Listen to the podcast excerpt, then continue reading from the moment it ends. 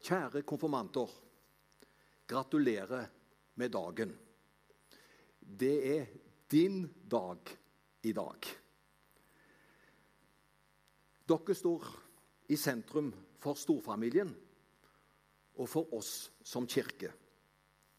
Og dere vil i dag få mange taler nå er det rundt Jeg vet ikke hvordan å legge opp, men du skal sikkert spise god mat, og så er det anledning til taler. Mor og far og kjente vil kanskje si noe til dere. Som regel så vil det være voldsomt mye fint som blir sagt til dere, til glede. Men kanskje litt småflaut også. For det er jo mange minner som man har. I dag gjør alle det slik at nettopp du skal få være i fokus. Du er heldig som har familien rundt deg og så er det noen som heier på deg. Og Det må du huske på. Det er alltid noen som heier på dere. Dere har noen rundt dere. Samtidig så vil jeg si at uh, hver enkelt av dere blir i større grad herre i egen båt.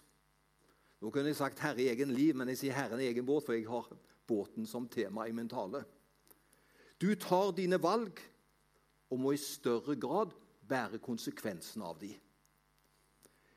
I den sammenhengen vil jeg gi dere noen ord med på veien eller på båtturen for å holde meg til bildet. Da jeg var liten, så vokste jeg opp på Karmøy, og der var det mange fiskere. Folk dro ut for å fiske. Og eh, min familie på det tidspunktet var egentlig fattige.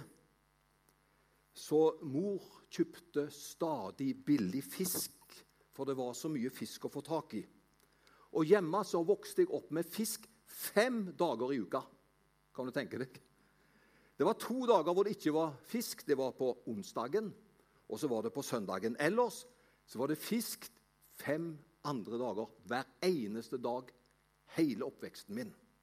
Og da vi kom hjem fra skolen og skulle spise middag, så visste vi jo hva middagen var. Vet du hva vi første vi sa når vi kom inn?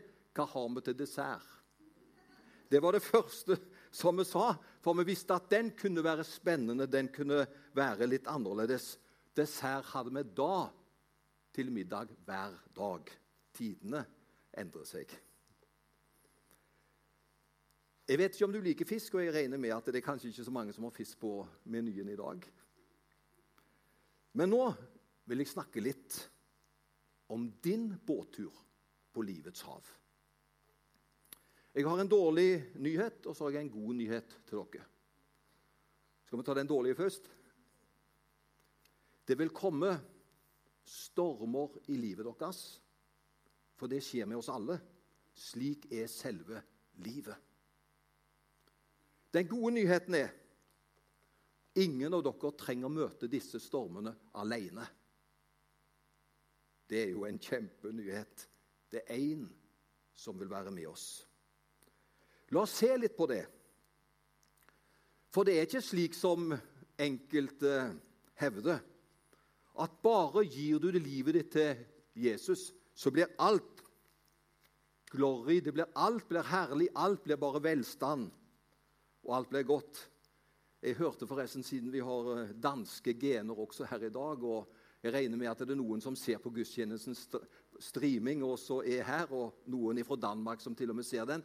Dere er ekstra velkommen til å se, dere som ikke får være her, men som er i Danmark. Men jeg hørte faktisk om, om en politiker i Danmark som ble valgt inn i det som er Stortinget i Danmark. Han ble valgt inn, for han lovte alltid medvind for de som sykler. Det går an å dra i og komme med store løfter. Men livet er ikke så enkelt. Bibelen er realistisk, men det er ikke slik som det bildet der. At det er bare som en seilbåt på det flotte havet, hvor alt er fryd og gammen. Det er noen slike også seilturer, men livet er ikke bestandig slik. Bibelen er realistisk. Å følge Jesus er også å følge han inn i stormen. La oss lese Matteus 8, 23-27. Og jeg leser. Så gikk Jesus i båten, og disiplene fulgte ham. Og se, det blåste opp en kraftig storm på sjøen, så båten ble skjult av bølgene. Men Jesus sov. Da gikk disiplene bort til ham, vekket ham og sa, 'Herre, frels oss, vi går under.' Han svarte, 'Hvorfor er dere så redde?' Dere lite troende. Så reiste han seg og truet vinden og sjøen, og det ble blikkstille. Mennene undret seg og sa, 'Hva er dette for en?' Siden både vinden og sjøen adlyder ham. Jeg vet ikke om du har tenkt på det, men det var Jesus som tok initiativet til denne forferdelige båtturen. Han gikk i båten, og så står det at disiplene fulgte efter han. Og Det første Jesus sa da han møtte disiplene for første gang, det var 'Følg meg'. Nå gjorde de akkurat det. Og dette hendte på Genesaretsjøen. Blant jødene fortelles det at da Gud hadde skapt verdenshavene, formet han til slutt et lite, vakkert hav som en kunne glede seg over. Det var Genesaretsjøen. Og noen her vet jeg har vært i Israel, og det har vært ikke bare rundt Genesaretsjøen, men du har også tatt en båt over Genesaretsjøen. De som har vært der, vet at det er en nydelig sjø. Men den er også hissig og litt uberegnende. Den ligger faktisk stolt under havets overflate, minus 209 meter. Der ligger den. Et stort fjell med snø på toppen. I nordlig retning det er Hermon.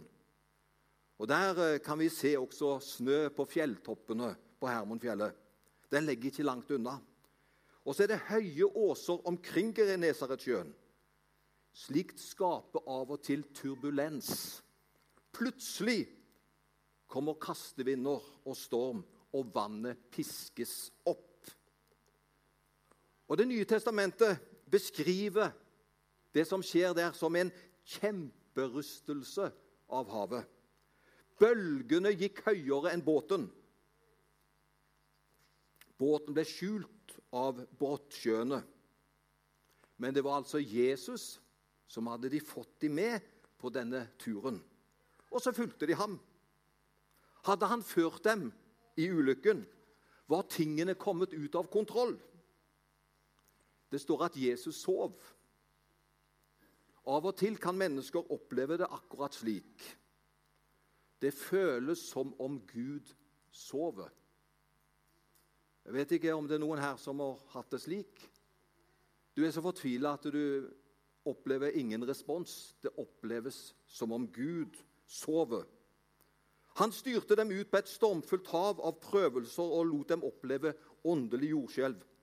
Hvor er Gud nå? Jesus sov. Markus For denne beretningen står ikke bare i Matteus, det står også i Markus. Og Markus har fått med en liten detalj. Det er veldig fint med disse små detaljene, for de sier litt. Der står det at Jesus han sov på ei pute. Behagelig og trygt. Matteus forteller at de vekket ham og ropte, 'Herre, frels oss! Vi går under.' Men Markus refererer, og så sier han, 'Mester, bryr du deg ikke om at vi går under?' Det var nødrop og anklage. Og Herren hører slikt i sin himmel hver eneste dag. Og Kanskje har du og meg også vært i den situasjonen. Jeg har iallfall vært i den. Hvor jeg nesten kom med anklage til Gud. Hvor er du henne? Ser du ikke situasjonen? Vi mennesker kan føle av og til at Gud sover. Har han glemt oss? Bryr han seg ikke om oss? Det kan virke håpløst, men så skjer det. Jesus han reiser seg. Han står opp. Han er høyst levende. Først kommer han med noen vekkende ord til disiplene.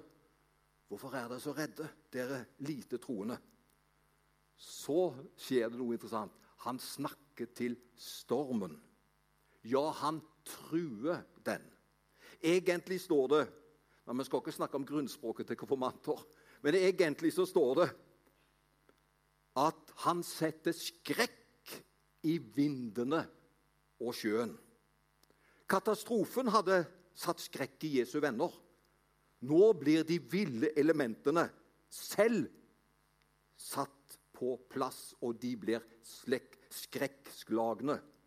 I løpet av noen få sekunder så blir det blikk stille. Det ble megastillhet. Jesu venner beveger seg ifra å være skrekkslagen til at de ender sin situasjon. Og de blir full av beundring. Hvem er du, Jesus, som kan gjøre slik? Jesus han kjenner godt til alle katastrofer. Uansett hva som er årsaken til livets stormer, så tilbyr Jesus oss å komme inn i våre liv og stille stormene. Eh, det skipet som dere ser på neste bilde, det er et skip som står Det kalles for kirkeskipet i mange, mange kirker. Det er et skip som henger i taket. Og skipet kom egentlig ut av båtturen som Jesus hadde med disiplene. Det er den teksten som har gjort at kunstneren i sin tid malte dette kirkeskipet, som er blitt et symbol. Skipet viser at vi er seiler, men ikke i vår egen sjø i hver vår båt. Vi er i sammen på dette skipet. Kirkens skip er på seilas gjennom vinden, i stille og storm. Kirken er et slikt skip der man skal kunne reise gjennom livet og ha støttespillere. For vi er ikke i hver vår båt. Vi er i samme båt. Og dermed så kan vi støtte hverandre, vi kan hjelpe hverandre. Vi kan oppmuntre hverandre. Det er et nydelig bilde på fellesskapet som Kirken skal tilby. At vi er alle i samme båt.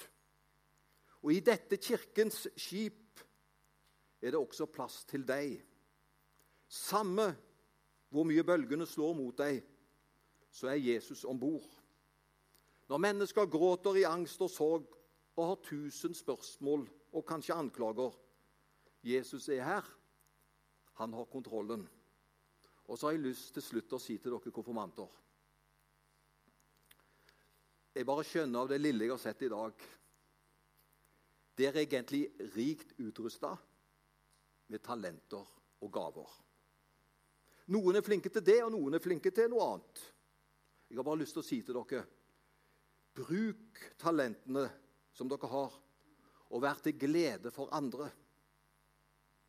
Lev ikke bare for dere selv. Du, dere trengs til å bygge et godt fellesskap med andre.